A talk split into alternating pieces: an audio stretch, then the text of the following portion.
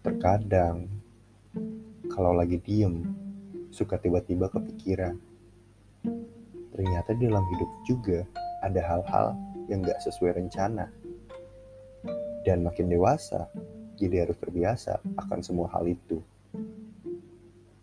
Terus, misalnya lagi sedih atau ngerasa berat banget sama keadaan, suka bilang ke diri sendiri,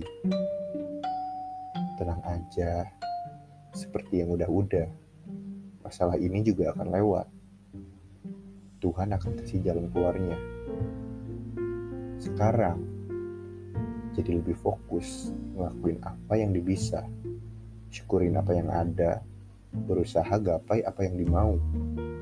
Intinya, nyaman sama diri sendiri dulu. Sebelum nyaman, sama yang lain.